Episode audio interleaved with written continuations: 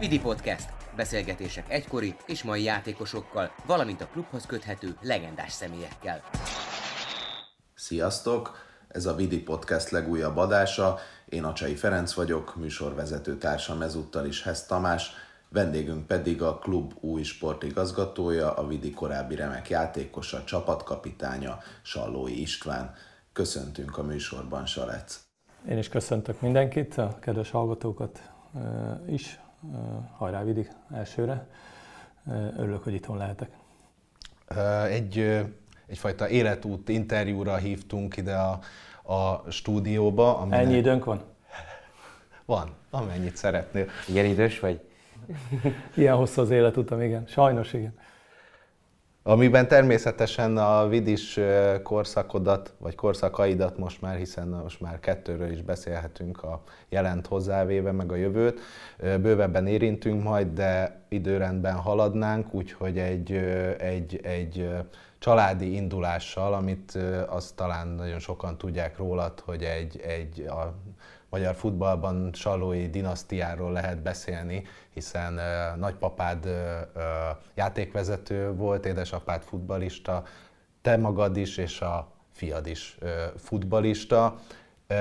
Ebbe a közegbe beleszületve, uh, 60-as évek második felében, és aztán ebben felcseperedve lehetett más út, mennyire határozta meg ez a gyerekkorodat? Hát ez abszolút. Ugye egy bányászvárosból származom, oroszlány, ott születtem, ahol ugye majdnem mindenki érintve volt a bányából, a bányától, valamilyen formában kapcsolódott a családban mindenki ez a tevékenységhez. Hát szerintem elég hamar rájöttem, hogy én bányász nem akarok lenni. A másik variáció, hogy akkor focista leszek, nyilvánvalóan édesapám Mon keresztül ez a sport az első pillanatoktól kezdve nálunk egy fő téma volt. Nagyapám még öten voltak testvérek, a papám is focizott, de nem jutott elég magas szinte ezért, hogy játékvezető lett, viszont volt egy Salói Aladár nevű testvére, aki a legtehetségesebb volt, és talán az egész Salói dinasztiában eddig ő vitte a legtöbbább, vagy a legmesszebbre, mert ő az olasz A-osztályban játszott, aztán sajnos egy motorbalesetben életét vesztette, úgyhogy létezett is annak idején Salgó Tarjániak voltak ők, egy salói kupa, és olyan nagypapám még akkor ilyen vörös keresztnél dolgozott, és úgy került oroszlányra, kérdeztem, hogy hogy csodába kerültünk oroszlányra Balassagyarmatról. Szóval így kerültünk oda, gyakorlatilag édesapámmal úgy nőttem fel, hogy ő futballozott, úgyhogy nem is lehetett előttem más, mint hogy ilyen futballista akarok lenni meg, meg akkor abban a kisvárosban rohadt tehetséges is voltam. Tehát úgy, hogy ez, ilyen, ez egy ilyen teljesen egyértelmű út volt számomra, soha egy pillanatig meg nem billent ez, a, ez az élet cél előttem, hogy én válogatott labdarúgó leszek, akkor még nem volt az, hogy külföld, meg ilyenek, de hogy válogatott labdarúgó akarok lenni. Aztán ugye az oroszlányi bányásszal ugye elmentünk egy terem, vagy egy kispás tornára, az, az Salgótarjánban volt, és Csiszár Guszti bácsi ott jött hozzám először, hogy hát a, a, mi a véleményünk, és hogy a, a, a vidi érdeklődne irántam az iskolaváltásnál. Anyukám nagyon lelkesen azonnal meg is találta, hogy a jövő a számítástechnika, és hogy itt van a, a, a, ugye a Ságvári, akkor még Ságvári volt, most már Széchenyi, ahol számítástechnikai műszerésznek elmehetek. Úgyhogy a, a, a Vidi mondta, hogy jó, rendben van, ők ebbe támogatnak, de felvételizni kellett, és berendeltek minket egy hétre. Ide, itt voltunk Sóston, többet magammal, akiket akkor igazoltunk. Például a, a, annak a Szabó Bencének az apukája, a Szabó László, vagy az osztálytársam lett később, ő is itt volt annak idején, aki ugye Vidibe játszott, vagy legutóbb az Alegerszeg volt a játékosom, úgyhogy ilyen kicsi a világ és felkészítettek minket a matek és, és fizika felvételire, hogy mindenképpen sikeres legyen, és abban az iskolába tudjunk menni, és ugye a Vidibe tudjak igazolni. Úgyhogy így indult ez a karrierem igazából, a Vidis, és szinte napra pontosan 40 évvel ezelőtt aztán létre is jött, hogy az oroszlányról ide igazoltam, és itt töltöttem 12 évet, úgyhogy csak a katonaság miatt kellett elmennem. Ugye akkor az volt a szabály, hogy egy csapatból NB1-ben rendesen le kellett tölteni a katona éveket, akkor éppen másfél év volt, és egy csapatból három olyan játékos lehet kedvezményezett, aki úgy tölti a katona idejét, hogy kijárhat edzésre és játszhat, És a német Zoli akkor keresztalak szakadás szenvedett, és akkor úgy kalkulált mindenki, hogy őt leszerelik, és akkor én leszek a harmadik, Jónás Gyuszi és a Csucsánszki Zoli mellett, de az Zoli mondta, hogy ő nem akar leszerelni egy év után, még volt hátra neki fél év, mert nehogy később visszahívják, behívják, ugye akkor egy kicsit másabb világ volt. Valójában valós félelme volt, és akkor sajnálatomra Kaszás Gabi bácsi úgy döntött, hogy, hogy nekem kell elmenni máshova, és így kerültem az Ettóba másfél évre katonai időszakomra. Ez mennyire érintett mélyen, hogy ebből a négyesből akkor végül rád esett az a, az akkori vezetőedző választása, hogy akkor te töltsd azt az időt egy másik csapatnál? Hát egyrészt Kaszás Gabi szerintem az egyik valaha ilyet legjobb edző lett volna Magyarországon, ha nincs a tragikus balesete. Imádtam, imádtam mindenki, úgyis, hogy nála én nem, ő volt az első edzőm talán, akinél nem voltam alapember, vagy egyetlen. Egyszerűen szenzációs edző volt, emberileg egy, egy vicces, jópofa edző. Sose felejtem, hogy a kispadon ültünk, és vezettünk 3-0, és szórta a poénokat, úgyhogy mi döltünk a kispadon a rögéstől és, és amikor jött az asszisztens előttünk futott el, és akkor mondja, hogy gyerekek, gyerekek, rácsusszak, rácsusszak, és így ilyen mozdulatot tett az asszisztens mögött, de elképesztő showman volt. Úgyhogy imádtam. Az volt az nagy szívfájdalom, hogy az egy nagyon-nagyon jó csapat volt. Akkor ugye a Petres Jován, Petri Zsolt, tehát az a csapat ugye az volt az egyetlen számítás, aminél nem, lehet, nem volt bajnok a Vidi, akkor ugye ez a 11-es rugásos variáció volt, három pont, és akkor a vagy ke, hogy is volt, egy pont, vagy hogy volt, kettő, Kettő kettőt pont. kapott, ha valaki megnyerte a 11 igen, egyet, aki, egyet, egyet, igen. igen. És a Vidi sajnos a 11-esekben gyenge volt, és így csak negyedik helyen végzett a végén a csapat, de abba öröm volt focizni, még úgy is, hogy nem voltam meghatározó, de hogy az élet miket produkál, egy ilyen kicsit ilyen örök tehetségnek tituláltam magam, akiről mindenki tudta, hogy tehetséges, de valahogy nem jön ki az az igazi nagy dolog. Én csatárként kezdtem még oroszlányon azt játszottam, itt a Vidibe kezdtek el középpásként játszatni, és akkor én ilyen jobboldali középpályás voltam abban az időben. És Győrbe kerültem, ahol ott sem lettem alapember, és egyszer az egyik edzésen Bocsánat, még csak, hogy nem Bocsáss. biztos, hogy feltétlenül érti mindenki az akkori rendszert, hogy te akkor kölcsönbe átkerültél Győrbe? Vagy, igen, így vagy... van. Kölcsön Aha. adtak Győrbe, és ott voltam másfél évi katona, igen. Tehát Aha. a katonai időszakra el kellett mennem. Tehát így, így, volt, így tudtuk megoldani vagy így lehetett akkor megoldani. Volt azt, ebben, hogy... és aztán szabad ne feled, Kaszás Gábor részéről esetleg olyan, mert ha ilyen nagy tisztelettel és jó érzéssel gondolsz rá vissza, hogy, hogy neked ez egy, neked pont az lesz a legjobb nevelés vagy fejlődés, hogyha így dönt, és nem, nem, nem az, hogyha itt tart? Nem volt ez akkor, mint mai világban, amikor elküldünk valakit kölcsön, mert azt mondjuk, hogy itt kevés lehetőség, majd elmész adott és játszol és felépítünk, hanem egyszer egy kényszer volt. Volt négy katona játékos, abból egyre azt, azt kellett volna, hogy menni kell. Tehát ha én úgy akartam katona lenni, hogy mellette ember egybe focizok, akkor ez az egyetlen út volt, mert a vidibe betöltődött a három hely, és én lettem a negyedik. Tehát akkor én számítottam legkevésbé ebbe a csapatba sajnos, a négyből, és el kellett mennem. Tehát, hogy nem, nem, nem volt bennem rossz érzése, mármint úgy, hogy haragudtam volna a Kaszás Gabira, vagy bárkire, akkor ezt dobta a gép, mentünk, tehát hogy, hogy, hogy nem tudtam ezzel mit kezdeni. És azért mondom, hogy az élet olyan dolgokat produkál, hogy, hogy két sorsfontító dolog volt az én karrieremben. Az egyik ez, amikor elmentem Győrbe, és ott a Györfi Laci bácsi volt a pályedző, és egyik edzésen, hogy játszottunk így kicsibe, egy a 16-oson belül, befele be akartam passzolni egy labdát, valaki bent százas zicserbe volt, és akkor oda jött, azt mondja, Pista, te mit csinálsz? Mondom, hogy, hogy mit csinálok, be akartam tenni, ott üresen volt a társam, stb. Nem, hát te nem vagy normális. Jó csatár, 16-oson belül anyjának se passzol. És ez a, ez a mondat az egész életemre meghatározó lett. Onnantól kezdve mondtam, hogy ezt kéri az edző. Minden edzésen fordultam, lőttem, fordultam, lőttem, és én lepődtem meg a legjobban, hogy elkezdte mondani a gólokat, és akkor már Etóba is már elkezdtek csatárt játszatni velem. Úgyhogy ez, egy, ez, ez volt az egyik momentum, amikor lejárt a katonai időm, akkor visszajöttem, és a Burcsa győző lett az edző. És a győző egyszer oda hívott edzés után, és azt mondja, figyelj, Sajsz, te olyat tudsz, amit nem lehet tanítani. Azt mondja, hogy érzed, hova kell menni, hogy helyzetbe kerülje. Azt mondja, viszont állandóan kihagyod, mert nincs döntés. De sokszor halljuk azt, hogy a 11-esnél valakinek, mikor nincs döntés, utolsó pillanatban megváltoztatja, akkor tuti kihagyja. Tehát, hogy az, a győzőnek az volt az elmélete, hogy egy a lényeg a góllövésbe, hogy legyen határozott döntés. Hogy jó vagy rossz, de azt tudjad.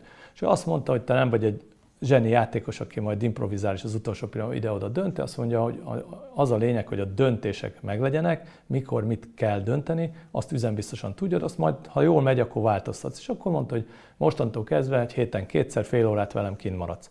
És végigvette velem, a jobbról jön a beadás, oda kell rúgni, balról jön, oda kell jönni, innen vezet a kapusra, ezt a cselt onnan vezeted, azt a cselt így kell oda menni, úgy kell oda, és belém verte, én meg szót fogadtam, mechanikusan elkezdtem csinálni, de olyan szinten azt úgy képzeld el, hogy ugye az ő elmélete az volt, mondjuk jobb oldalra jön a beadást, érkezek középen, akkor ugye a, a, a bal alsó sarokba, hogy vissza kell passzolni a labdát. És ezt a kapusok olyan szinten tudták, hogy az edzésen már ott maradtak. És melbe rugdostam őket edzésen, én anyáztam őket, hogy hülye gyereket edz, meccsen kiúra bugrász, de mondta, hogy győző semmivel ne foglalkozz, az 99%-ig oda fogod rúgni. És ezzel megfordult innen a helyzet kihasználásom, és innen gyakorlatilag én eh, innen a góllővé változtam. Eh, aztán Hartyányi Gabi lett a győző után, aki meg megtalálta nekem ezt az ég mögötti pozíciót, ami, amiben szerintem kiteljesedtem. Úgyhogy ilyen apróságokon múlnak nagy dolgok, eh, és én, én hiszek ebben, hogy, hogy ez a sorszerűség néha kell. Úgyhogy ennek köszönhetem, hogy akkor életem a negyedik katona. Kicsit ugorjunk vissza, hogy amikor Fehérvárra érkeztél, akkor milyen volt a város, milyen volt a klub, milyen volt egyáltalán oroszlányról felkerülni? Hát nagyon érdekes volt, ugye azt ma már nem tudják elképzelni a, a, a, a, a fiatalabb generáció, ugye, hogy például egyszerű dolog, hogy elkerültem, az akkor nagy ugrás volt Oroszlányban, nem jártunk úgy, mint ma, az ember fölugrik Pestre, meg elmegy Fehérvárra beül az autóba, akkor ezek nem így működtek ezek a dolgok. Autók se voltak igazából, és én vonattal és busszak próbáltam megközelíteni Fehérvárt, mert Oroszlányról pont ugyan a csatlakozásra több átszállásra kellett jönni, és nem volt telefon sem. Tehát anyukám mindig aggódott érte, és mivel a Mávnál dolgozott, nagyon vicces volt, akkor volt a Mávnak ilyen belső vonala, és úgy tudtam vele kapcsolatban lenni, hogy kisétáltam a vasútállomásra, és ott elmondtam, hogy én akkor a belső vonalon föl szeretném hívni anyukámat, és akkor hetente egyszer jelentenem kellett neki, hogy, hogy minden rendben, hát jó tanulok, rendben vagyok, persze nem tanultam jól, de neki ezt hazudtam, és a, ugye a József Attila kollégiumban voltam, negyedik emelet, emeletes ágy, akkor, akkor volt egy szint, ahol, ahol a focisták mi voltunk, és, és gyakorlatilag ott voltunk együtt egy rakáson, és onnan jártam sétálva hátul edzésre, sokszor elrobogtak mellettem az akkori UEFA kupa hőseink, a, a, akkor a campingbringával jártak, azt mire vége lett az UEFA-nak, akkor fölléptek a kis poszki szintjére, úgyhogy ezeket érdekes volt így megélni. Szóval onnan jártunk, és igyekezni kellett mindig az edzés, azt sose felejtem el, mert akkor, amit kaptunk sportszárat edzésre, aki először jött, az még talált olyat, ami nem volt Lukas. Úgyhogy minél később jöttél, annál neccesebb volt, hogy ott találja, ami nem volt Lukas. Ugye akkor még a medicinlabda volt a főszerepben, amikor cipeltük ki, a salakos pálya volt az egyes hármas, úgyhogy az, hogy a fűre mi rámehessünk, így a mutkopont kisétáltam, hogy a gyerekek föl se fogják, hogy milyen szerencsések, hogy ilyen körülmények között lehetnek, de hát nagyjából a pályák kettővel kevesebb volt, de, de így helyezkedtek el. Hát az, hogy a stadionba meg bejutni, az, az, az, az reménytelen volt a gyerekkorunkban, tehát hogy itt játszunk, vagy csak néztük és bámultuk, úgyhogy, úgyhogy nagyon érdekes dolog volt, nagy ugrás, de, de, de végül is minden a fociról szólt, tehát akkor már. Mondtad, hogy persze nem tanultál jól, de ezt mondtad, ez, ez egyébként azt jelentette, hogy ahogy most meg azt mondtad, hogy minden a fociról szólt, tehát hogy neked ebbe a középiskolás korszakodban minden a fociról szólt, vagy mennyire, mennyire határozta meg az a cél, amit mondtad, hogy te válogatott labdarúgó akarsz lenni, és akkor ennek megfelelően csinálod, vagy azért belefért az, hogy itt a, a hogy mondjam, egy átlagos tinédzsernek a, a, a, az életmódja szerint is éld az, az életedet? Nem volt tínédzser életmód. Egyszer elmentünk strandra, és nem jöttem edzésre, ki is vágtak a csapatból hétvégén, úgyhogy ez amikor 17 éves koromban történt meg, ez az egy ilyen volt. Elég céltudatos voltam már akkor is, de csak a foci érdekelt. A tanulásra úgy voltam, hogy az első évet elrontottam, pedig anyukám felhívta a figyelmemet, hogy ugye beskatujáznak, és nagyon nem mindegy, hogy kezdem el az iskolát, hát nem jó kezdtem, mert nem figyeltem eléggé, és utána úgy beálltam erre a, közepes szintre, ott is tartottak a tanárok, de igazából nem érdekelt, mert tényleg abszolút a focival foglalkoztam. Ami nagyon nehéz volt abban az időben, ugye, hogy hogy a kollégiumban, amikor én eljöttem edzésre, és visszamentem, ugye volt akkor kötelező szilencium, és, és akkor tanult mindenki. Mire én visszaértem edzés után, mindenki befejezte, és mindenki össze-vissza rohangált, idétlenkedett, és hát az jobban vonzott, mint a tanulás. Tehát akkor külön el kellett menned tanulószobára, és ott tanulni, tehát ahhoz azért már komoly akaraterő kellett, hogy az ember ezt megcsinálja. Úgyhogy azt körülbelül úgy abszolváltam, hogy, hogy, hogy, hogy, hogy meglegyen az az eredmény, amiben tovább lépegetek a, az iskolába, illetve az egyik csapattársam vagy, vagy kollégista társam akkor a szülei elköltöztek Fehérvárra, meg katonák voltak, és a apukáját áthelyezték, stb. És hirtelen nagyon jó tanuló lett. És mondtam anyukámnak, akkor, hát akkor a szocializmus így ment, hogy jöjjön már ő is, a szüleim elváltak 14 éves koromban, és hogy jöjjön már őt is, ő is, és dolgozzon itt Fehérváron, akkor otthon lehetnék, és akkor jobban tudnék tanulni. Aztán ő nem akarta ott adni a munkahelyét, nem lépte ezt, meg maradtam kollégista és közepes tanuló.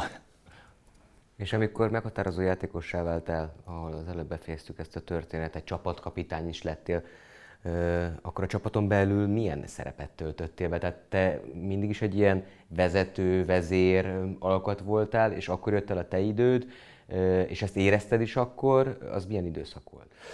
Um, mindig is a társaság középpontja voltam, tehát ez, ez ma is így van, tehát legyen bármiről szó, buliról, fociról, tök mindegy, tehát engem biztos hallani fogsz vagy látni.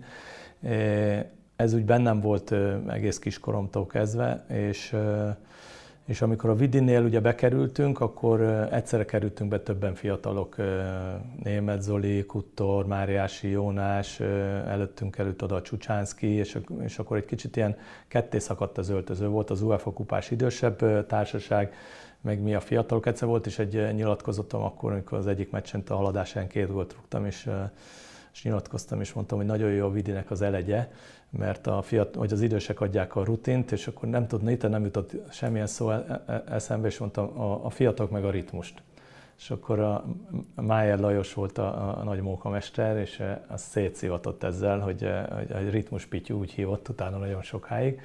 De a lényeg az, hogy nekünk megvolt a mi kis külön klikkünk, a fiatalok, akik ugye összefogtunk az öregekkel, hogy kiszorítsuk őket a csapatból, hogy letépjük róluk a mezt, és annak a kis csapatnak is már azért a meghatározó eleme voltam. Úgyhogy amikor mi jöttünk, és elkezdtek ezek a játékosok szépen kikopni, eligazolni, akkor azon teljesen egyértelmű volt, hogy igazából a perást kellettem, az öreg perást kellett kibekelnem, de már az olyan jelzésértékű volt, hogy már nagyon a bajnokság végén voltunk, és, és már tudtuk, hogy ő abba hagyja, és akkor egy buli volt valamin, valakinek a szülinapján voltunk, és akkor úgy már kicsit, hogy be is voltunk piálva, és akkor a perás odajött, és akkor a, a rám kötötte a karszalagot, hogy úgyis te leszel a cséká. Aztán utána egy is lett. Igen, és az, így, így jött ez, a, ez az átás. Ez egy olyan nagyon egyértelmű dolog volt, de mindenkinek. Tehát nekem olyan volt a nexusom akkor a Brávác Ottóval is, az akkori elnökkel, a csapatba is, tehát hogy ez, ez, ez, ez ilyen, nem tudom, ilyen így jött, ez, ez, ez egyértelmű volt. Ez a Burcsa Győző féle vidi, meg akár a Hartyányi Gábor féle vidi is, ugye ez, én erre úgy emlékszem vissza, mint aki akkor kisgyerekként, nézőként voltam itt, ami pár mostani szemmel, vagy mostani léptékkel mérve nem ért el kiemelkedő sikereket, viszont nagyon-nagyon szerette ezt a csapatot a közönség is, meg, meg egy nagyon jó focit játszott ez a, ez a csapat. Te hogy láttad ezt? Honnan? Én ezt mondom mindig, mert ugye sokszor hallom itt a, a mostani Vidinél, ugye, hogy csalódottak a szurkolók az eredmények miatt, stb. És mindig mondom, hogy ho, ho, ho, hát azért álljunk meg, azért itt voltam annél a Vidinél. A Vidi egy szimpatikus vidéki csapat volt, de nem volt egy nagy csapat. Még az az UEFA csapat is, amely kiemelkedő eredményt ért el, azért arról volt híres, hogy, hogy rakkolós és, és tényleg egy, egy csupaszív, de egységes csapat volt, fizikálisan, szenzációsan felkészítve Feri bácsi által és nem értünk el egyébként, nem voltunk bajnok esélyesek, volt a Csongéktól, egyszer elvették a bajnoki címet, ugye a Kaszás Gabi féle csapat meg bajnok lehetett volna, ha nem ez a számítás van, de, de az a bravúr kategória lett volna. Tehát akkor tényleg ez volt, amit te mondtál, ez a 5-6 hetedik helyzet csapat, viszont ami, ami érdekes volt, hogy hazai pályán félelmetesen jók voltunk. Tehát itt hazai pályán mi mindenkinek neki mentünk, tehát a, a mai napig eszembe van, a, a, a, érzem az orromba a, a, a sóstónak az illatát, amikor a meccs előtti nap benne edzettünk mindig a stadionba, fölkapcsolták a, a, a villanyokat a Burcsa győzőnél.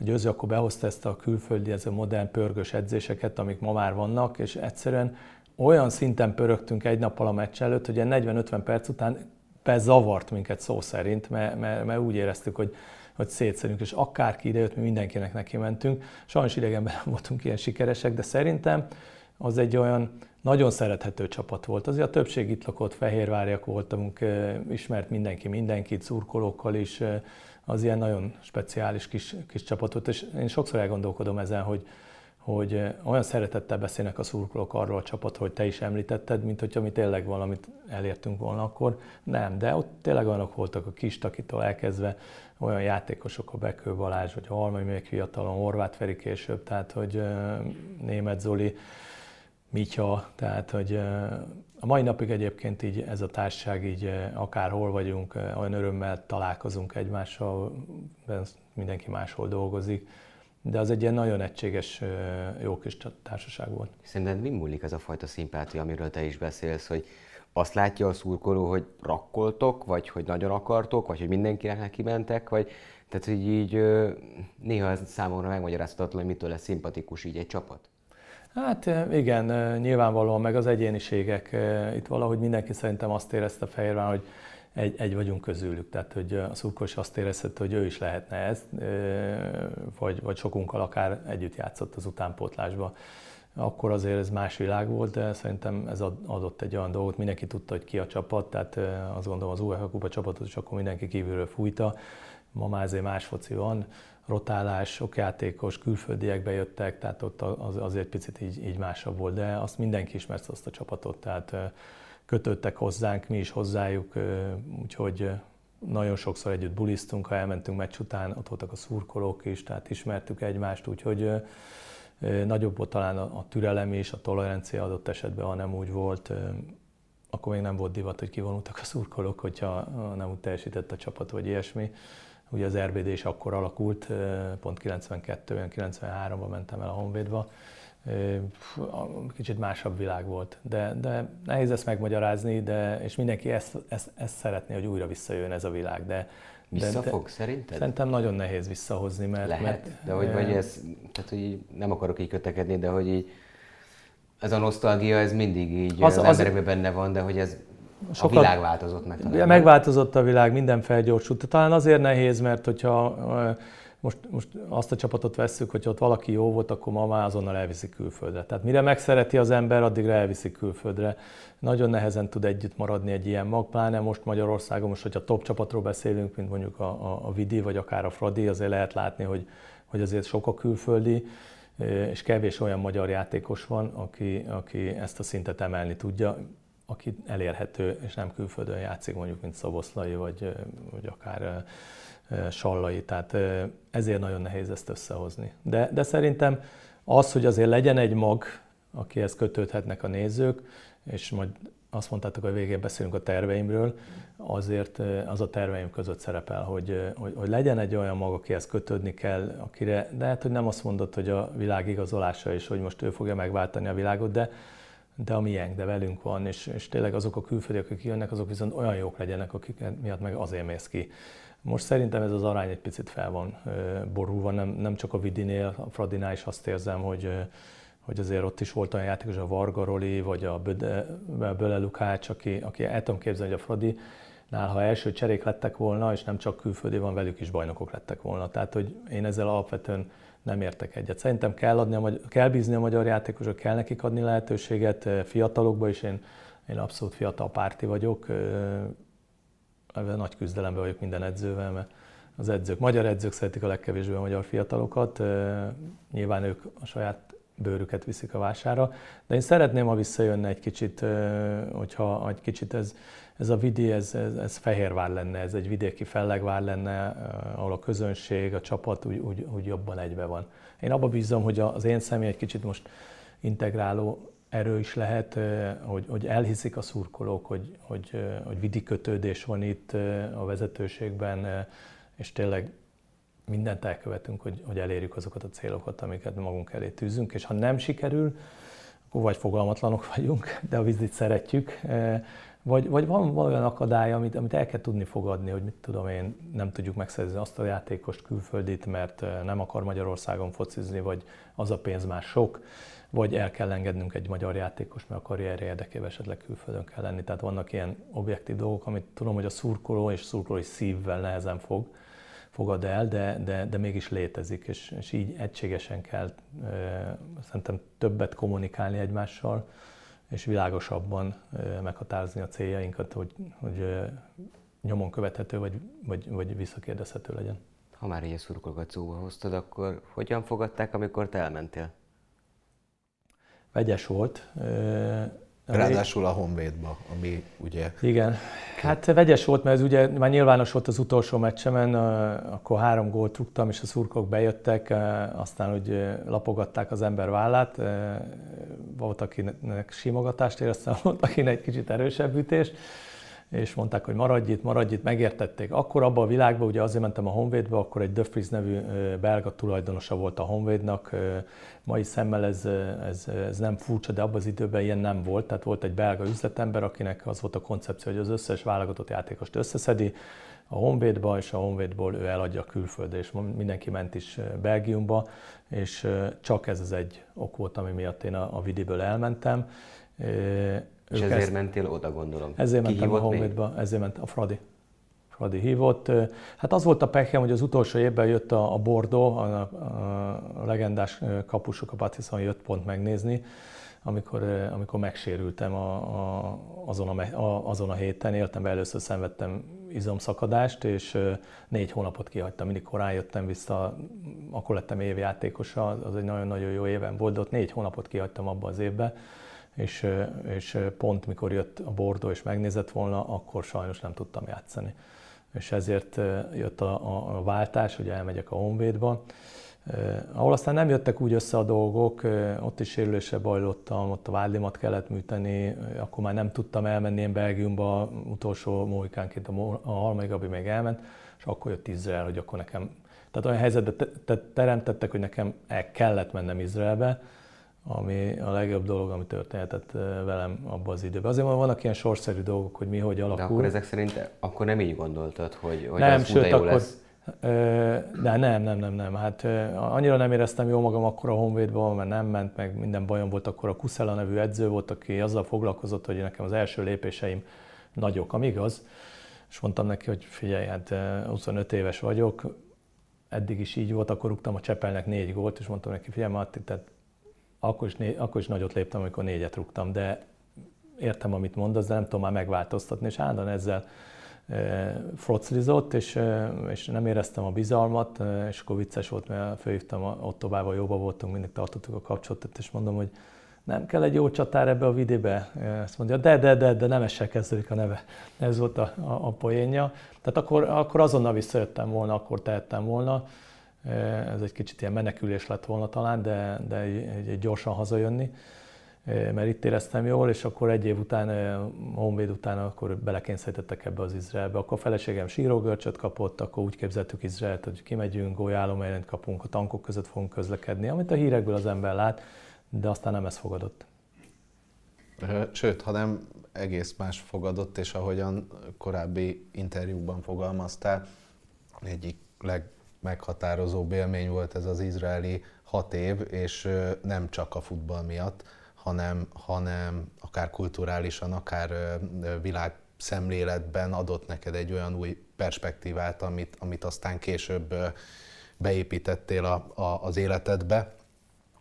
Hogy képzeljük akkor ezt el, ezt a 90-es évek közepi Izraelt, ha nem úgy, hogy golyóálló mellénybe mentek az edzésre? Hát igen, aki, aki volt kint, az, az tanúsíthatja, hogy amikor kint vagy semmit nem érzel a terrorból, tehát egy csodálatos ország, akit a történelmi rész érdekel, három világvallás fővárosa, akit a, a, a, a azok a, a turisztikai dolgok érdekelnek, hogy a, a Holtenger vagy a Vörös-tengerbe buvárkodni, a, a, hogy a történelmi helyeket nézni, mindent megtalál.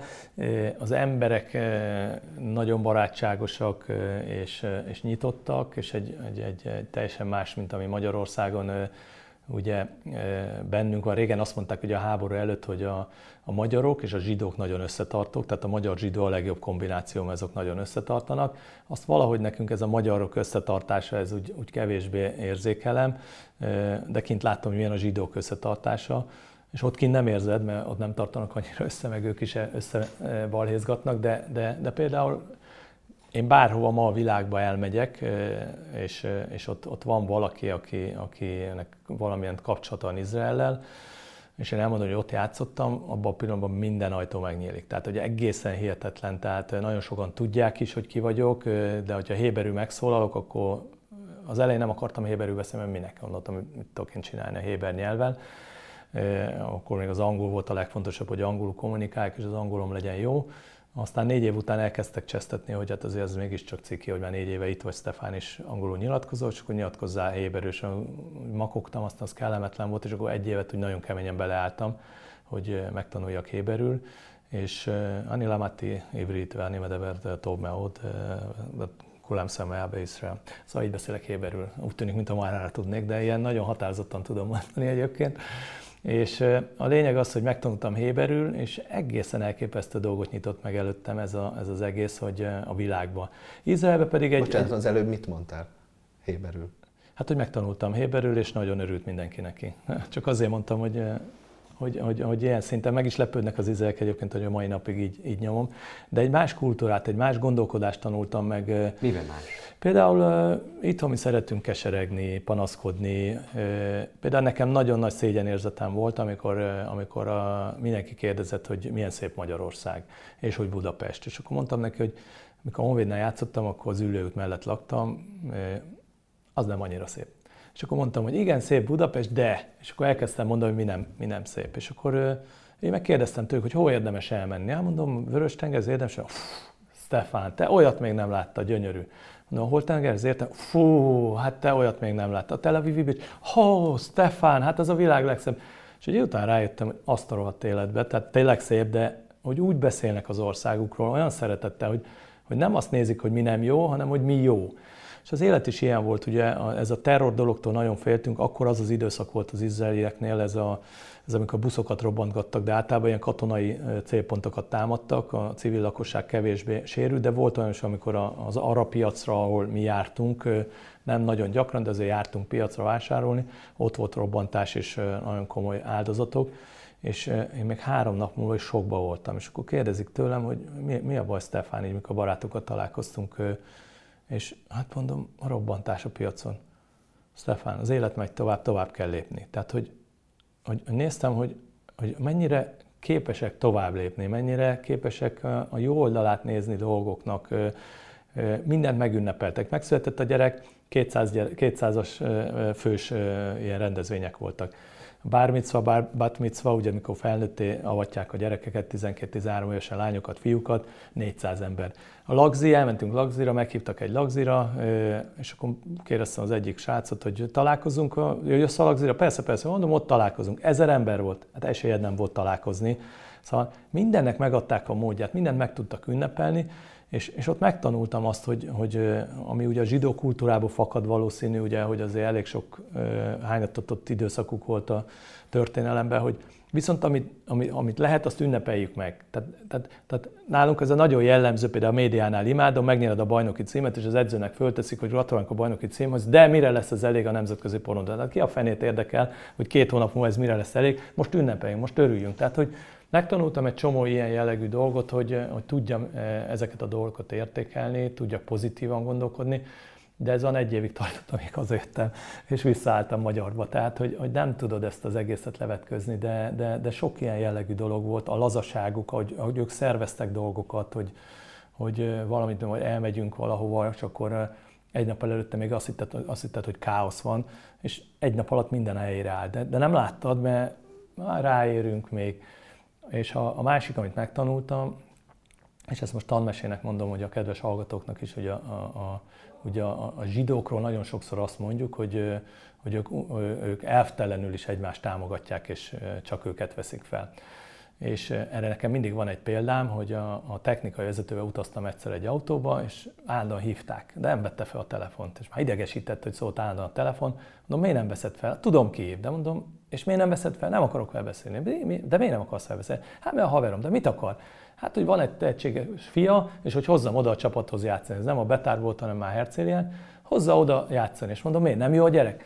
Nem rossz a gyerek, de annyira nem jó, hogy én nem hozom ide, hogy elrontsa az üzletünket, inkább mondtam neki, hogy mennyi pénzt kész, kifizetem, csak ne hozd ide, és ne rontsd az üzletet. Tehát, hogy igaz a zsidókra az, hogyha minden egyforma őt választja, de az üzletét nem rontja el. És, és ez a, ezt, ezt én megtanultam mindenben, hogy, hogy soha nem az határozza meg, hogy kivel milyenbe vagyok, hanem a céljamhoz képest, vagy a, ami kell, a, a, ahhoz választok embereket, munkatársat, játékos, stb. De azt én is figyelembe veszem, ha minden egyforma, akkor akivel olyanba vagyok, vagy akitől valahol kaptam valamit, akkor, akkor ebbe támogatom. Tehát ez, ezeket a dolgokat így megtanulta az ember. Szóval sok érdekes dolgot tanultam, azt is, hogy hogy lehet ugye az öltözőbe e, nyugodtan öltözni, hogy melletted egy ilyen nem tudom a neveket, ezeknek egy óriási gépfejre föl van téve, mert ugye mindenkinek kötelező katonaság van, és ott a, a, a, ő úgy katona, hogy három évig a fiúk, kettő a lányok, és jön edzésre. És lemelé letámaszta a gépfegyvert, úgyhogy szikszalaggal az éles tárrá van e, tekerve. Kérdeztem is, hogy a golyó, ha eltűnik, nincs, mert ugye annak idején a katonaságnál ti nem tudjátok ezt, de még ilyenek voltak, hogy ott el kellett számolni a golyók, azt mondja, de hogy senki nem foglalkozik vele. Úgyhogy egyébként is érdekelt, mert a Krudinák Alajosnak néztem annak idején a panorámáját, és ő nagy arab párti volt. Én meg soha nem értettem, hogy miért üldözik a zsidókat, és mi a probléma velük. Hogy mindig elhatároztam, hogy egyszerűen a közelkeleti problémát megpróbálom belásni magam. Hát aztán az élet azt hozta, hogy nagyon keményen belástam magam. Úgyhogy ilyen közel-keleti szakértő lettem ilyen szempontból.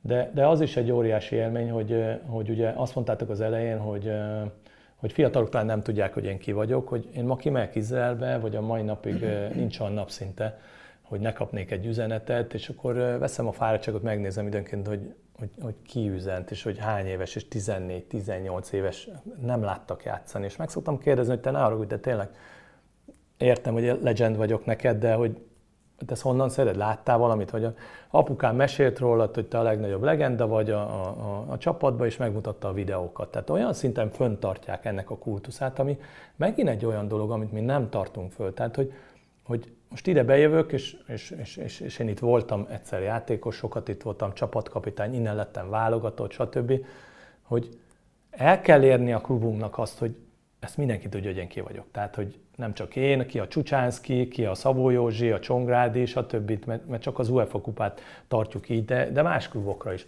Hát csak a fiamat mondom, hogy ő Újpesten játszott az utánpótlásban, és egyszer mondja nekem, hogy apa, tényleg itt játszott a Törőcsik Andris? Úristen, mondom, fiam, ezt soha többet el nem mond, és akkor rájöttem, hogy ő nem fogja elolvasni, ha én nem mondom el neki, nem mutatom meg neki, nem fogja tudni. Tehát, hogy, hogy sokkal többet kellene szerintem abba fektetnünk, hogy a múltat, hogy, hogy ismerjék meg, mert, mert akkor, akkor, akkor szerintem jobban ért, érzik a, a tradícióját egy klubnak. Tehát ezek olyan dolgok, ami másképp működik Izraelbe. Uh-huh. Ha a futball szakmai részt nézzük ebben a hat évben, akkor ugye, ahogy említetted is, te ott egy ilyen szupersztár voltál. Amihez nyilván a teljesítmény kellett, tehát nem csak az, hogy... Is. És még mi? Is, meg, meg, meg, meg, meg emberként az, hogy beszéltél Héberül, képbe voltam a politikai helyzetről, nem egyszer nyilatkoztam róla.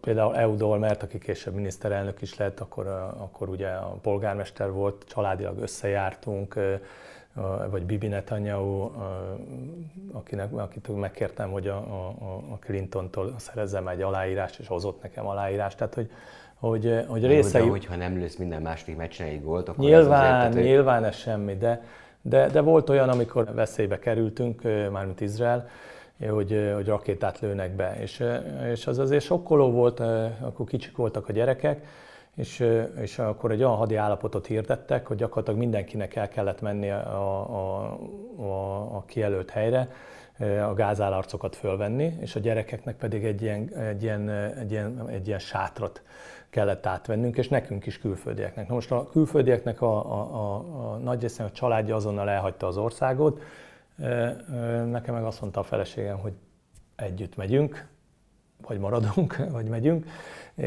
és, és velem maradtak. És akkor ugye akkor megszólaltattak, elmondtam ezeket a dolgokat, hogy nem félek, meg, meg hiszek benne, hogy nem lesz probléma. De ez is vicces volt, mert minden lakásban van egy, egy, egy helység, amin egy akkora fémajtó van, hogy ezt mozdítani alig tudod. És nem tudtam, mit kell azzal csinálni, mi spájznak használtuk. Na kiderült, hogy, hogy kötelező nekik az a Lego. Tehát, hogy, hogy be van építve egy ilyen óvóhely, és mentek a, rendesen mentek a, a képek a, a tévébe, hogy a, ha belövik ezeket a rakétákat, akkor, és gáz, valamilyen vegyi anyagot nyomnak, akkor, akkor hogy kell viselkednünk. Ugye be kell tömni rongyokkal, vizes rongyokkal, hogy kell fölvennünk a gázállarcot, tehát ilyen sokkoló volt. De a lényeg az, hogy része voltam az életüknek, ezekről nyilatkoztam, és ezt azért nagyra becsülték. Tehát én úgy hívom magam, hogy ilyen fogadott zsidó vagyok, mert ugye keresztény vagyok, de, de ők úgy tekintenek, hogy a, a barátjuk vagyok. És a mai napig nagyon sokszor kapok üzenetet, hogy Stefán, megyünk Budapestre, ott leszünk három napot, van esély, hogy találkozunk, mert nagy vágyam, hogy, hogy, hogy hogy egy fotót csináljunk. Volt egy olyan, aki mondta, hogy a születésnapjára meg akarják lepni a barátját, hogy, hogy meg tudom-e azt csinálni, hogy én velem találkozhat. És akkor mondtam nekik, hogy akkor csavarjunk egyet a történeten, játsszuk azt, hogy Ubert hívtok, és én vagyok a sofőr. És beszállt a gyerek, beszálltak, mindenki tudta, vették minden szögből, csak a gyerek nem tudta.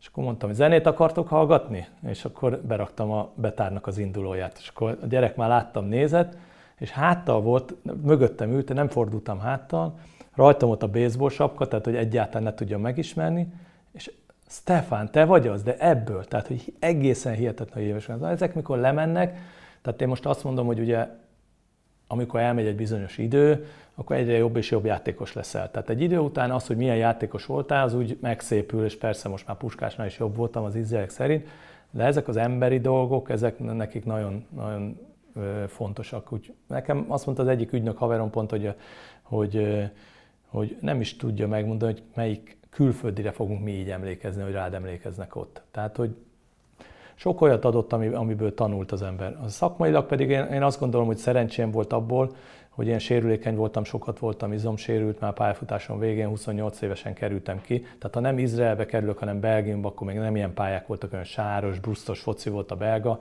akkor szerintem nem húztam volna sokáig. Így azért 6 évet el tudtam tölteni, 34 évesen hagytam abba, aztán reméltem, hogy jövök vissza a Vidibe. Egyébként volt még egy évem Izraelben, akkor már Hercélján voltam, és akkor megkeresett a, a Szigli Pistáik voltak, akkor ő volt itt a vezető, hogy visszajönnék-e a Vidibe, és akkor mondtam, hogy beszéljünk róla. Mondták, hogy mennyit akarok keresni. Mondom, teljesen mindegy, hogy mennyit akarok keresni, mert mondom, amit én ott keresek, azt te nem tudod felérni.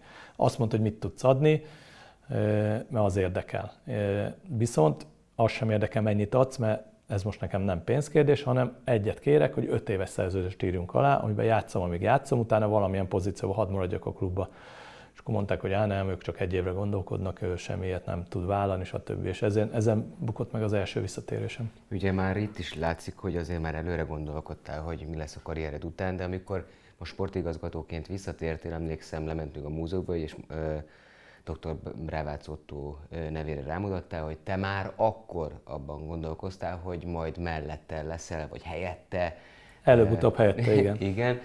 Mikor jutott először eszedbe, hogy te sportvezető akarsz lenni, bárhogy is hívjuk ezt a posztot? Hát a gyerekek, amikor már az ember úgy 30 után elkezd gondolkodni, hogy a foci után mit akar csinálni, és akkor én úgy voltam, hogy a fociba akarok maradni, akkor ugye két variáció volt, hogy vagy, vagy edzői vonalra mész, vagy sportvezetőire, akkor még nem volt szakkommentátor, meg, meg erőléti edző, meg nem tudom milyen specialista, ma már sok ilyen egyéb terület is van. És akkor én úgy döntöttem, hogy mivel az edzőség az egy ilyen vándor élet, a kicsik a gyerekek, ezért akkor az volt az elképzelés, hogy hazajövök, és akkor a klubnál elkezdek dolgozni, és hosszú távon ott akkor Tehát ez Izraelben Ez volt a, igen, ki? igen, és ez nagyon, nagyon vicces volt, mert az Izraelben megkérdezte az elnököm, hogy, hogy Stefan, te, te mit szeretnél csinálni a foci után, akarsz edző lenni? Mondom, nézd, azért nem akarok edző lenni, mert ugye azt mondják, hogy aki nagyon nagy sztár volt, de ilyen gigasztár, megasztár, ilyen elképesztő csiriviri sztár, tehát direkt fokoztam a végtelenségig, mint én, azokból nem lesz jó edző. És mi magyarok elkezdtünk röhögni, mert nyilvánvaló poén volt. Ő meg csöndben meghallgatta, és akkor eltett egy pár perc, azt mondja, odaford, de Stefán, attól, hogy te ilyen jó játékos vagy, még lehetsz jó edző. Tehát nem értette a viccet, tehát annyira röhögtünk, hogy annyi, tehát az Izrael is simán kimondja, hogy ő gigasztár. Tehát e- ezt is tanultam tőle, hogy simán kimondja gigasztár. Én imádom ha ezeket a olyan kijelentéseket, amilyen sokkoló, és az emberek így lehidalnak. Tehát sokan utálnak emiatt, meg, meg nagyképűnek tartanak. E, most már egy időre azt tettem észre, hogy kezd átjönni nekik, hogy, hogy ez brahi. Tehát, hogy, hogy merjük már kimondani. Igen, az, abszolút. Merjük kimondani most, mit, mit, mit, mert magáról én mindig azt gondolom, az emberek sokkal többet gondolnak, mint amit kifelek kommunikálnak. Ott ez a köte, én úgy hívom, ez a kötelező álszerénység. Hát mit kell szerénykedni? Hát mindenki, amit tud, abban higgyen, higgyen és, és vállalja föl, de, de nálunk ez ugye nagyon visszatetsző, hogyha valaki valamiről. Volt például az Alegerszegen a honlapon az egy ilyen szurkolók csináltak ilyen honlapértékes, és az Alex odért, és meglátták a nevem, na, a saló, ezt akarodna el innen. Főhívtam. Na, arra, hogy nem ismerjük egymást, tehát, hogy mi a bajod velem, mondd el. Hát, mert hogy te azt mondod magadról, hogy mekkora sztár voltál Izraelbe. Mondom, én azt mondom, ami volt, tehát bárkit megkérdez. Kiderült, hogy kint katona volt. És mondom, meg pont neked kell tudni, hogy mekkora sztár voltam, nem hogy nekem elmondani, de mondom, ezt így elmesélem azért, hogy értsék az emberek, hogy, hogy tényleg mi, mi történt ott velünk. Azt azóta jobban vagyunk nagyon, de hogy, hogy az embereknek így elsőblik le, ezek nagyon furcsa dolgok. Nekem ez is furcsa. Tehát Izraelbe ki tudta mondani az illető. Volt egy játékos, sose felejtem el a tévébe, fölpasszoltak félpály csatát, külföldről jött haza, első meccs, fölpasszoltak félpályán egy labdát rá, visszalépett, hogy átvegye, és rosszul vett, tehát egy oldalra lepörgött a lábáról a labda, jött a hamarpista, fölvette, kicsezett nyolc embert, rugott egy gólt. A gyereket a következő pillanatban lecserélték, oda megy a riporter, na milyen volt az első meccset, hogy érezted? Én azt gondolom, hogy szenzációsan tértem vissza, szerintem mindenki látta, milyen csodálatos gólpaszt adtam, és azt hittem leesek a székről. És ezt senki nem akadt fönt rajta. Tehát, hogy ezek ilyen, ilyen furcsa dolgok, mert, mert nagyon sokszor álszerénykedünk, de egyébként sokkal többet gondolunk. A játékosoknak szoktam mondani, hogy, hogy uh, bezzeg, amikor alá kell írni a szerződést, meg amikor kimondod, hogy milyen fizetést akarsz, akkor szupersztár vagy, és szeretném látni, hogy ezt a pályán. Tehát mondd ki, hogy igen, én az vagyok, ennyi pénzt kérek, de ezt akarom látni a pályán, és ezt a teljesítményt. Csak ezzel nem szoktak mindig találkozni. És sportvezetőként te kitől tudtál ellesni olyan dolgokat, mert ugye azt mondtad, hogy már voltak olyan elnök, tulajdonos, bárki, aki szimpatikus, de hogy azért az a világ közül megváltozott, Nagyon. és, és van, ami, valami nem? Ö, teljesen megváltozott. Ugye Brávác Otto ö, nekem azért is volt, mert ugye a, a, a szocializmusból akkor mentünk át ugye a, a, a, a, a jobb világba, és és akkor ő egy ilyen menedzser típusú vezető volt. Ugye Berlinből jött, ott dolgozott, más szemlélettel, sok olyan dolgot csinált itt már akkor a klubnál, amire, ami akkor meghökkentő volt, lett névszponzorunk, stb. stb. A mezekkel kapcsolatban ki is kérte a véleményemet, tehát, tehát sokat kommunikáltunk ezekről. Nekem nagyon szimpatikus, hogy, ahogy ő a csapathoz nyúlt, ahogy, ahogy a fehér balamkabátjába bejött, és egy sáros meccs után, amikor nyertünk, mindenkit megölelt, hogy, hogy az kuka volt a, a, a, a balomkabát, de hogy, hogy, hogy köztünk élt, hogy, hogy, hogy megívott velünk egy, egy üveg piát, tehát hogy, és, és nem, nem, tehát mégis ott tovább volt, tehát hogy, tehát nem közeledett annyira hozzánk, a, hogy, hogy, hogy ez, ezzel visszaéljél, tehát a, tudtad, hogy ő, ő, ő a főnök, és hogy, de, de tudtad, hogy fordulhatsz hozzá a problémáddal is. Tehát közel is volt, távol is volt, és nekem ez a, ez a habitus nagyon tetszett, és általában így vagyok a csapatokkal is, tehát mint sportigazgató én ebbe hiszek, hogy, hogy van, ami komoly, amit, amiben befeszülünk, de van, amiben, amiben ha kell, akkor én vagyok a legnagyobb munkamester, és ott vagyok a csapat körül. Ezeket a dolgokat tőle átvehettem, de utána, amikor én elkezdtem, ez sajnos akkor a magyar foci az első tíz évem, a 2000-es években, az egy katasztrófa volt, tehát nem volt pénz sehol, jöttek a szerencselovagok, megígérték a pénzt, hogy beteszik, nem tették be.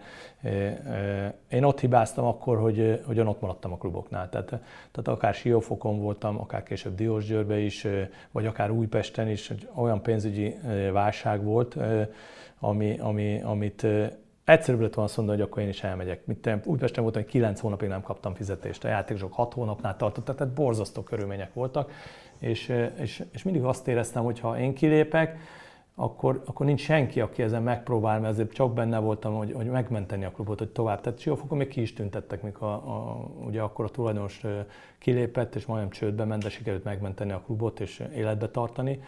És az etét is azért vállaltam el, hogy, hogy, hogy végre egyszerűen körülmények között dolgozhassak, ahol nem azzal kell foglalkoznom, hogy lesz-e fizetés a hó végén, hanem szakmai kérdésekkel kell foglalkozni. És ez volt az első állomás helyen, bármilyen furcsa, ez az első klubom volt a legeszen, ahol, ahol minden hónapban kaptam fizetést.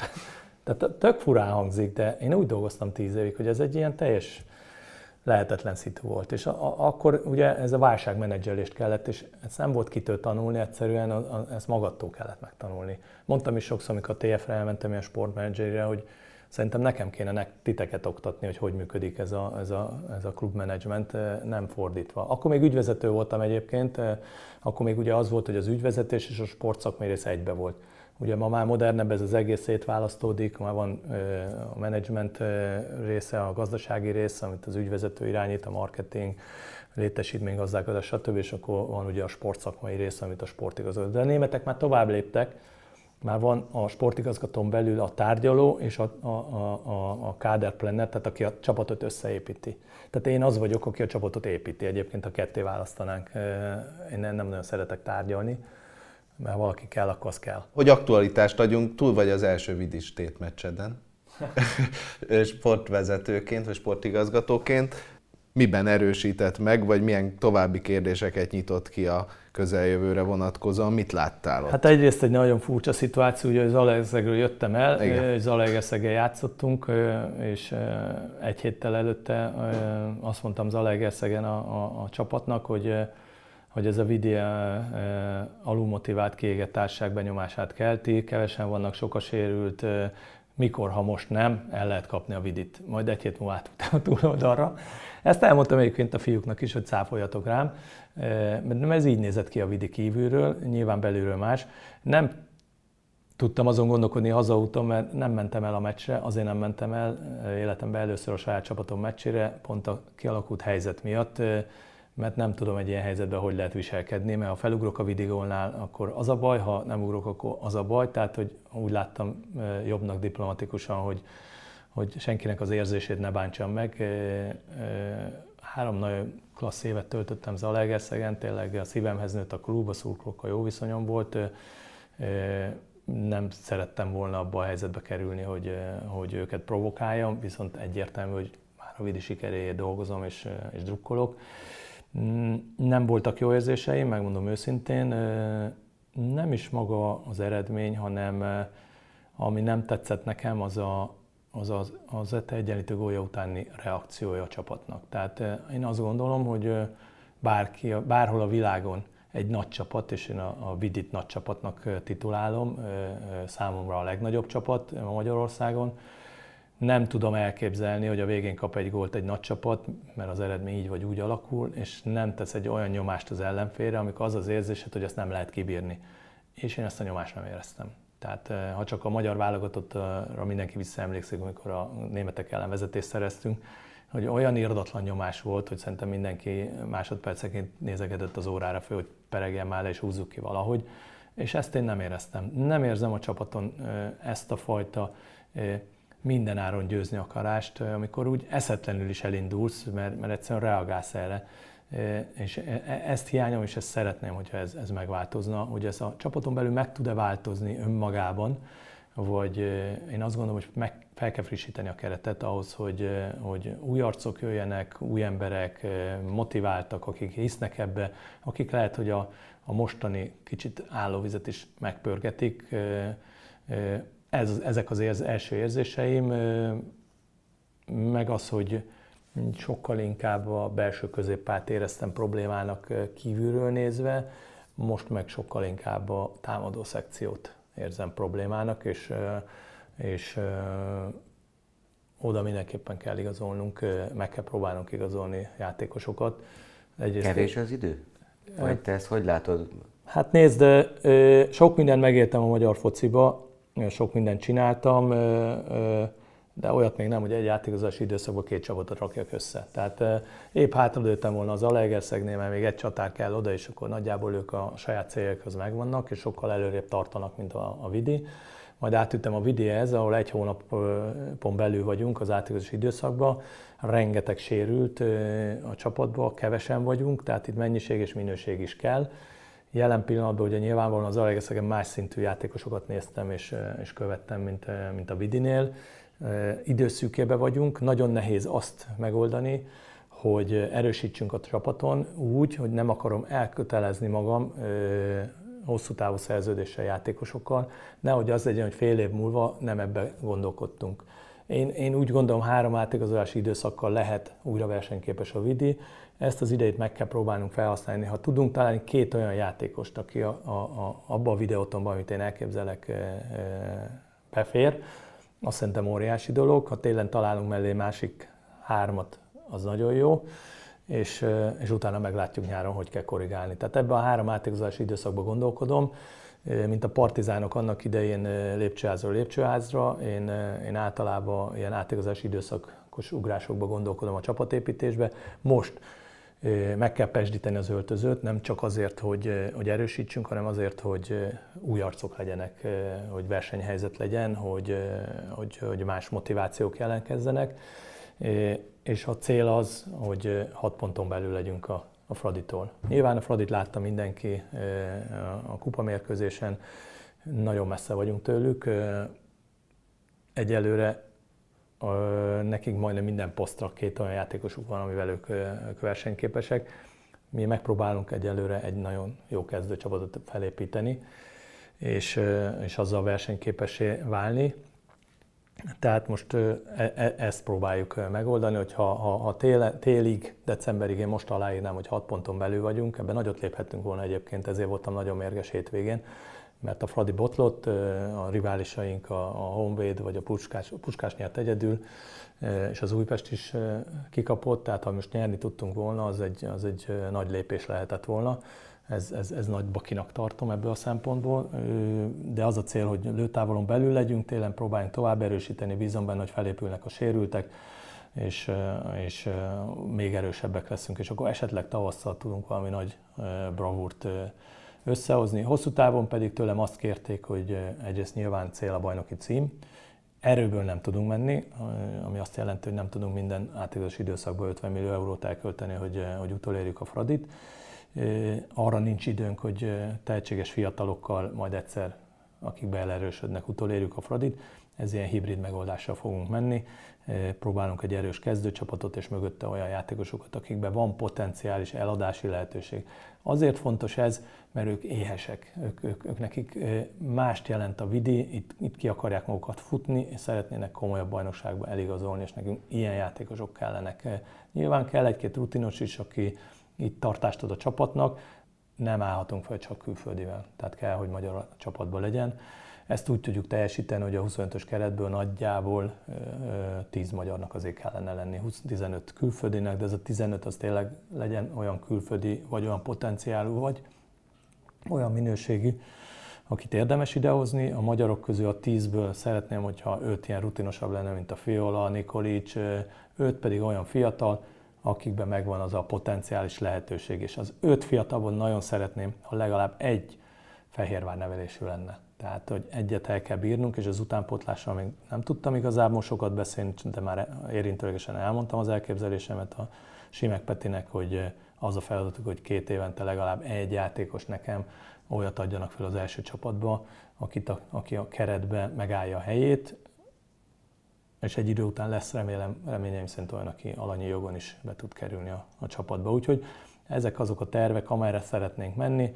Biztos, hogy szükségünk van egy, egy MB3-as csapatra, ami megvan, szükségünk van egy, egy saját MB2-es csapatra, sőt egy MB1-es partner csapatra, mert építkeznünk kell, építeni kell fiatalokat, akikben azt látjuk, hogy hogy lehetőséget kell nekik adni, utánpotlás válogatottak, és a jövőben is szeretnék vadászni az utánpotlás válogatott játékosokra, de ehhez megfelelő jövőképet kell nekik adni.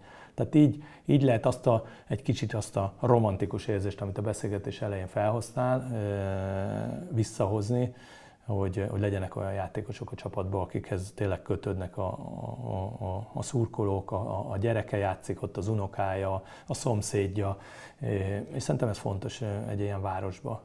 Ezt azért láttuk Debrecenben, és meg lehet oldani. Nyilván a, a, a végső cél, a, a top, amikor, amikor lemondok, az akkor lesz, amikor a BL himnusz itt felcsendül Sóstón, mert bejutottunk a BL csoportkörbe, úgyhogy ez, ez a nagy álom és anyukám mindig azt mondta, hogy legyenek elérhetetlen álmaink, mert közben az út, nagyon szép álmokat lehet teljesíteni, úgyhogy ha ez elérhetetlen, akkor az, de, de ez a nagy állam, hogy egyszer a videóban ott legyünk a BL csoportkörben. Legyen így. Még a szurkolókról mindenképpen beszéljünk, akik, bár már beszéltünk róla, de főleg inkább a te pályafutásod kapcsán, hogy miért voltak fontosak akár itt Fehérváron, akár Izraelben. Találkoztál szurkolókkal, mi a benyomásod, mi az elképzelésed, mi lenne az a, a nem tudom miről beszélgettetek, de gondolom azért benne volt az, hogy mi az, amiben ők tudnak segíteni a csapatnak, és mi az, amiben akár a klub tud nekik segíteni. Erről beszéltünk viszont. pont. Én azt gondolom, hogy a szurkoló ért van a futball, a szurkoló nagyon fontos, és szurkolók nélkül lehetetlen eredményt elérni, hogyha nincs mögötted a, a, a szurkoló táborod. Ugye az RBD évek óta ott van a csapat mögött, vannak sérelmeik, vannak olyan dolgok, amik feszültséget okoznak. Legutóbb ugye kijöttek az edzésre is, a játékosokkal is szerettek volna találkozni, amennyire én követtem a, a, a, a, szurkolók és a klub kapcsolatát, mindig az jött fel, hogy nincs megfelelő kommunikáció, nincs információjuk. A másik oldal ugye a klub erre vigyáz, az információk, mert vannak információk, amit nem lehet elmondani. El lehet mondani privát beszélgetésbe, de publikálni nem lehet. Én azt ajánlottam fel nekik, és ezért szerettem volna velük találkozni, hogy eh, ami olyan jellegű publikus, amit eh, nyilvánvalóan nem a médián keresztül, eh, de szívesen eljuttatunk hozzájuk, hogy értsék, hogy mi történik, merre megyünk, mit akarunk csinálni, azt, azt én szívesen megosztom velük, jöjjenek, kérdezzenek, és beszélhetünk ezekről a dolgokról, viszont nekem nagyon fontos, hogy, hogy azzal foglalkozzanak, hogy a csapatnak tényleg a 12. játékosan legyen, legyenek, és, és teljes messzességet támogassák a, csapatot. Nyilván őnekik is vannak kéréseik, amit szerintem meg kell próbálnunk a klubon belül akceptálni és, és támogatni. Örök probléma ez mindig a szurkoló és a vezetőség egy kicsit olyan, egy, látszólag egy célt akarnak, de a végén mindig vannak súrlódások, ez, ez mindenhol így van bármi lehet ez a jegyártól elkezdve a, a, a csapat összetétek, vagy a nagyjátékosok eladásáig bármi okozhat egy ilyenfajta feszültséget, mert mindenkinek más a, egy picit más a, a, az útja a sikerhez. De én szeretném, hogyha ez egy, tényleg a vidé, egy, egy vidéki, szimpatikus klub volt, egy szenzációs szurkolótábor, ahol, ahol valahogy a csapat és a szurkolók egybe voltak. Tehát az én időmben egybe voltunk. Tehát én bárhova mentem, tudtam mindenki, hogy meccs lesz, szurkoltak, ha, ha sikeresek voltunk, gratuláltak, ha nem nyertünk, akkor biztattak, tehát hogy szerintem ez, ez, ez fontos, elengedhetetlen dolog, és én szeretném, hogy, hogy most már legalább egy klubban végre dolgozhatok egy olyan klubban, ahol nem kérdezik meg, hogy mit keresek itt, mert ahol eddig voltam, mindig megkérdező, hogy mit keresek itt, mert nem játszottam ott.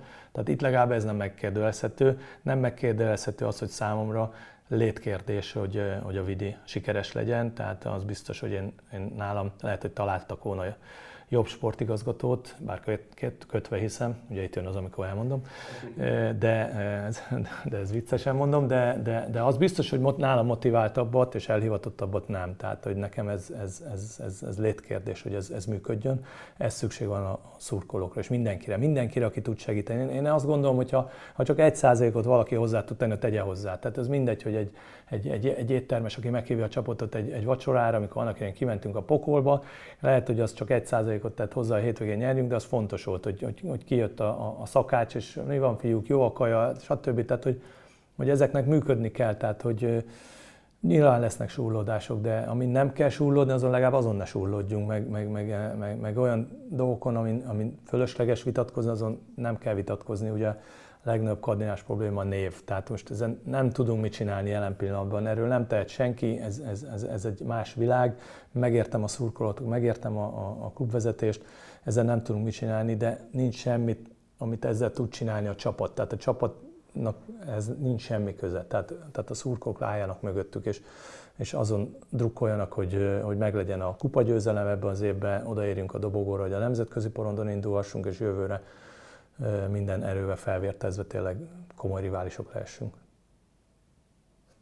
Szerintem ez remek okay. végszó. Köszönjük Így van. Szépen. Köszönjük szépen a beszélgetést is, meg főleg Köszönöm. az őszinteségedet. Úgyhogy úgy, úgy, hogy... Nem sokan szeretik, de, de, szerintem, de ilyen vagyok. Szerintem itt szeretni Majd megszakjuk. igen, igen, ezt szoktam mondani. Egyébként a tévében is így voltam, hogy az elején úgy indult, hogy ez a, ez a stílusom olyan nagyon irritálta az embereket, és a, az utóbbi két-három évben átfordult, és akkor mondták, na ő legalább megmondja. Úgyhogy igen, azért mondom, hogy szerintem az a tisztább, hogyha bizonyos dolgokat elmondunk, kimondunk. Én nem szeretek rébuszokba beszélni, mert nem szeretem az ilyen kódfejtést, hogy meg kell fejtem, hogy ki mit akar mondani. Hát mondjuk el, oldjuk meg, egy a cél, hajrá Vidi, legyünk bajnokok. Hajrá Vidi, köszönjük szépen Köszönöm. Saló Istvánnak, köszönjük. hallgatóknak pedig a figyelmet köszönjük. Viszont hallásra találkozunk legközelebb. Sziasztok! Sziasztok!